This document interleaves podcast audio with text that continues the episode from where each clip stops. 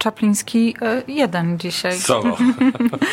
Maciek Czapliński, witam cię serdecznie. Dzień dobry. Witam serdecznie wszystkich słuchaczy Rada 7. E, tydzień temu podsumowaliśmy rok 2020 w real estate, a dzisiaj proponuję odwrócić nieco dynamikę. I e, mam do Ciebie prośbę, żebyś spróbował przewidzieć, jaki będzie nadchodzący rok w real estate. Wiem, że e, nie masz szklanej kuli, ale bazując na doświadczeniu, na pewno możesz e, przewidzieć, no. jak to będzie wyglądać. No i oczywiście na pewno masz jakieś oczekiwania. No oczywiście, że mam rynku. oczekiwania. Oczywiście w takich rzeczach y, każdy może przewidywać, każdy stara się zajrzeć w jakąś tam szklaną kulę, ale przede wszystkim te wszystkie nasze przewidywania będą bazowały na tak zwanym zdrowym rozsądku, no i oczywiście na jakimś tam doświadczeniu.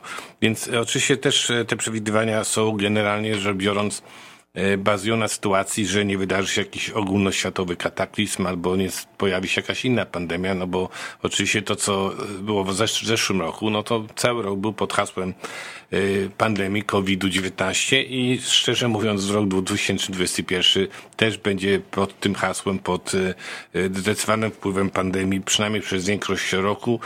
Miejmy nadzieję, że szczepionki się okażą skuteczne. Miejmy nadzieję, że e, mutacje, które, o których się ostatnio coraz głośniej mówi, też e, jakoś zostaną opanowane albo nie staną się, nie zrobią się aż tak e, groźne. No i będzie, będzie lepiej. Generalnie rzecz biorąc, można powiedzieć, że rzeczywiście rok, który mijał, był bardzo dynamiczny w real estate i również ten rok, który będzie, również będzie bardzo dynamiczny bardzo busy. Nadal głównym tematem, który jest w przyszłym roku, to brak nieruchomości do sprzedaży.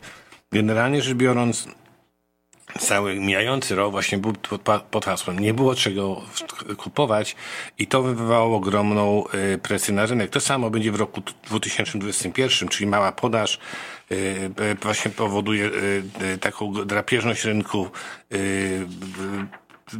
bardzo tanie pieniądze, czyli e, łatwo pożyczyć, e, łatwo pożyczyć pieniądze i są bardzo niskie oprocentowania, e, obawa przed inflacją, napływ w sumie imigracji w tym roku był wstrzymany, w przyszłym roku jak się powiedzmy troszeczkę może sytuacja uspokoi, bo dzięki szczepionce wrócimy do dużej, większej liczby imigrantów niż obecnie, a imigranci, imigranci przywożą często pieniądze, zasoby, za które chcą w tym kraju zainwestować. No i to, są, to się wszystko będzie właśnie nakładało na na brak tych nieruchomości oferowanych do sprzedaży, a ponieważ również dużo ludzi się boi zmieniać domów w okresie pandemii, właśnie się wstrzymują z przeprowadzkami i ten rynek, dlatego ja przewiduję, jeżeli się e, pod względem zdrowotnym troszeczkę uspokoi, to więcej nieruchomości pojawi się w drugiej części przyszłego roku. E, no, w 2021 można się spodziewać ciągle, ja spodziewam się znacznego wzrostu cen. E, nie chcę być tutaj prorokiem, ale wydaje mi się, że na terenie GTA do 15% wzrosną domy. Y, poza, poza terenem y, GTA moim zdaniem nawet więcej w takich miastach jak Guelph, jak St. Catherine, dlatego że są nieruchomości tańsze. Jest wielki napór ludzi, którzy z Toronto się wynoszą, żeby tam y, mieszkać. Jeżeli chodzi o kondo i apartamenty, przewiduję mniejszy wzrost 5 do 10%. I to będzie gorszy rok dla rynku tak zwanego condo market. On wynika z tego między innymi, że jest, e, rental się troszeczkę popsuł. Przez to, że jest pandemia, że rząd powiedział, nie, nie musicie płacić za swoje renty.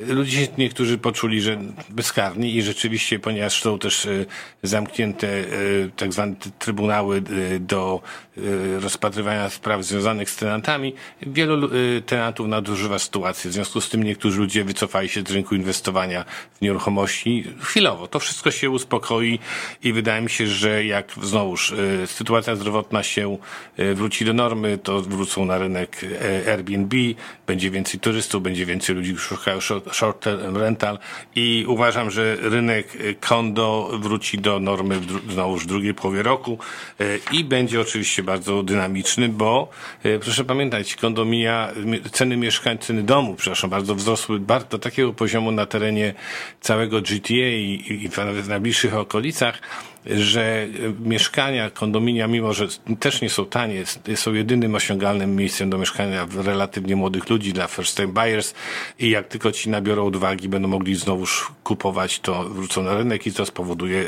znowuż ruch bardzo intensywny. Jeżeli, chodzi o tak zwane pre-constructions, czyli domy budowane z plan, sprzedawane, mieszkania sprzedawane z planów, to był bardzo dynamiczny rynek w ostatnich paru latach. Państwo widzicie wszędzie dźwigi, wszędzie są te budowy, które się toczą. Y, to wszystko y, y, jest troszeczkę też znowu przez COVID zwolnione, bo ceny doszły też do 1000 dolarów za stopę mieszkania. To bardzo dużo. I, i czasami ludzie mówią, o to teraz mieszkania, te ceny spadną. Nie, ja myślę, że deweloperzy muszą nadal je sprzedawać, ale będą stosować zachęty, czyli nagle te, te y, parkingi, za które trzeba było płacić 50 tysięcy dolarów ekstra w centrum Toronto, one będą albo za darmo, albo będą za pół ceny, będą specjalne upgrade'y zrobione i tak dalej, bo ceny muszą się utrzymać, bo inaczej by się cały rynek załamał, ale y, pre-construction znowuż to będzie trudny rok dla tego biznesu, ale wróci do normy, jak się wszystko uspokoi od strony Y, zdrowotnej. No, jak już jeszcze jestem się rozpędziłem, to na temat powiem eksud, y, właśnie to, co się będzie działo poza Toronto. W tej chwili, tak jak już wielokrotnie mówiłem, wszystkie te nieruchome domy, rejony, małe miasteczka poza, poza Toronto przeżywają prawdziwy rozwój, bo właśnie dużo ludzi, nie tylko tych, którzy się wynoszą na emeryturę, ale również ci, którzy mogą pracować z domów, odkryli ludzie, że jest taniej, jest łatwiej, przyjemniej i w związku z tym dużo do, tych nieruchomości za miastem się sprzedaje, a ceny tam gwałtownie rosną. Będzie to zdecydowanie rok 2001 y, rynkiem ludzi kup, y, y, sprzedających. Czyli jeżeli ktoś chce sprzedać, będzie miał idealną sytuację, dom wystawiony zwykle będzie sprzedawał często za znacznie wyższą cenę, jeżeli będzie właściwie wyceniony. Natomiast dla kupujących będzie ciężko, bo mała podaż, tak jak powiedziałem, i i będą dominowały te zakupy domów, które e, będą na przykład dla młodych ludzi, którzy będą miały możliwości rentowania basement, basement apartment, bo ekstra dochód będzie bardzo w tej chwili poszukiwany. Przy tych wysokich cenach jest to ogromna pomoc w zakupie nieruchomości. To, co też przewiduję, to będzie ogromny ruch budowlany w przyszłym roku, dlatego, że y, wiele ludzi będzie kupowało stare domy, je przerabiało e, w specjalny sposób, żeby dostosować do, do nowych trendów. O tych rzeczach zresztą piszę w najnowszym wydaniu Życia i w końcu, jak Państwo chcecie poczytać, to proszę na ten temat, e, proszę sobie wziąć gazetkę w czasie świąt i przeczytać, bo w tym paru minutach, które tutaj mam, e, jestem w stanie wszystkich informacji przekazać. No i z morał przyszłego roku to będą multiple offer situation, ponieważ będzie brak nieruchomości, ponieważ jest e, w sumie właśnie gorący rynek, trzeba się spodziewać, że w całym przyszłym roku kupienie domu będzie najczęściej w sytuacji dwóch, trzech chętnych i trzeba się do tego przygotować. W związku z tym warto będzie robić tak zwany mortgage pre-approval, warto czasami robić tak zwany pre-screening czy pre-offer home inspection, czyli jeżeli chcemy jakiś dom kupić, a boimy się, że kupimy kota w worku, to można zrobić inspekcję domu przed złożeniem oferty. Także cały rok przyszły będzie dla kupujących niezwykle ciężki, dla sprzedających niezwykle miły, wygodny.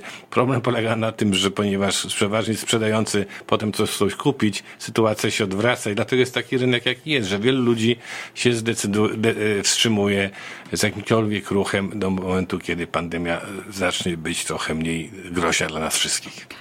Robimy króciutką przerwę i za chwilę wracamy do rozmowy.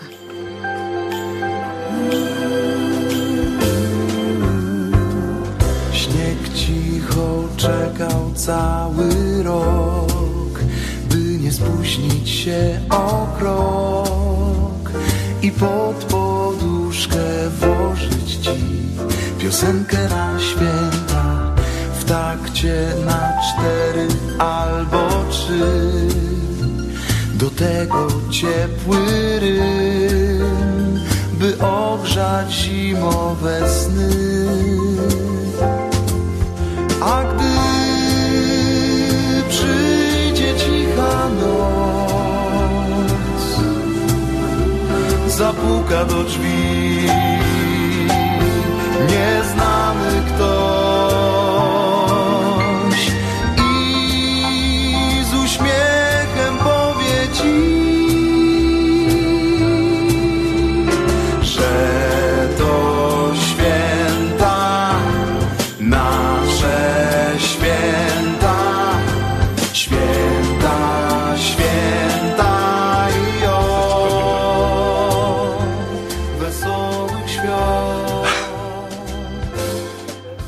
godzinie ósmej. E, Wracamy do rozmowy z Maćkiem Czaplińskim. Maciek się tak rozgadał, że mówił cały czas, niezależnie od tego, czy mikrofon był włączony, czy wyłączony. No proszę Państwa, się to czuję jak w domu, dlatego e, oczywiście pierwsza część była strasznie e, szybka i strasznie jak gdyby dużo informacji, ale już teraz tej komercji wystarczy i chciałbym przede wszystkim Państwu powiedzieć, że rzeczywiście zbliżają się piękne święta, ze święta Bożego Narodzenia, które w tradycji polskiej są zawsze były celebrowane. Przykro, że w tym roku będą one zupełnie inne, bo rzeczywiście będziemy w dużej części spędzać samotnie, ale tą samotność na pewno na Radio 7 będzie Państwu umilało i dlatego zapraszamy do słuchania nas w ciągu całej y, okresu świąteczno-noworocznego, bo my będziemy cały czas tutaj z Państwem, będziemy Wam dodawać otuchy, pewnie życzenia będziemy y, od Państwa umieszczać, ale zacznę od życzeń od, od swojej rodziny, czyli pierwszej rodziny, czyli od Agnieszki,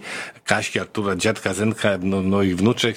W ich imieniu składam Państwu e, naj, najserdeczniejsze życzenia. Naprawdę, dużo, dużo zdrowia przede wszystkim, dużo prezentów i jak gdyby e, e, nadziei na przyszłość, bo to nadzieja jest w tym wszystkim najważniejsza. A od drugiej rodziny, czyli rodziny radiowej, czyli od Agaty, Olimpii, Kasi, Agnieszki, Tomka i Zbyszka oczywiście też składam najserdeczniejsze życzenia.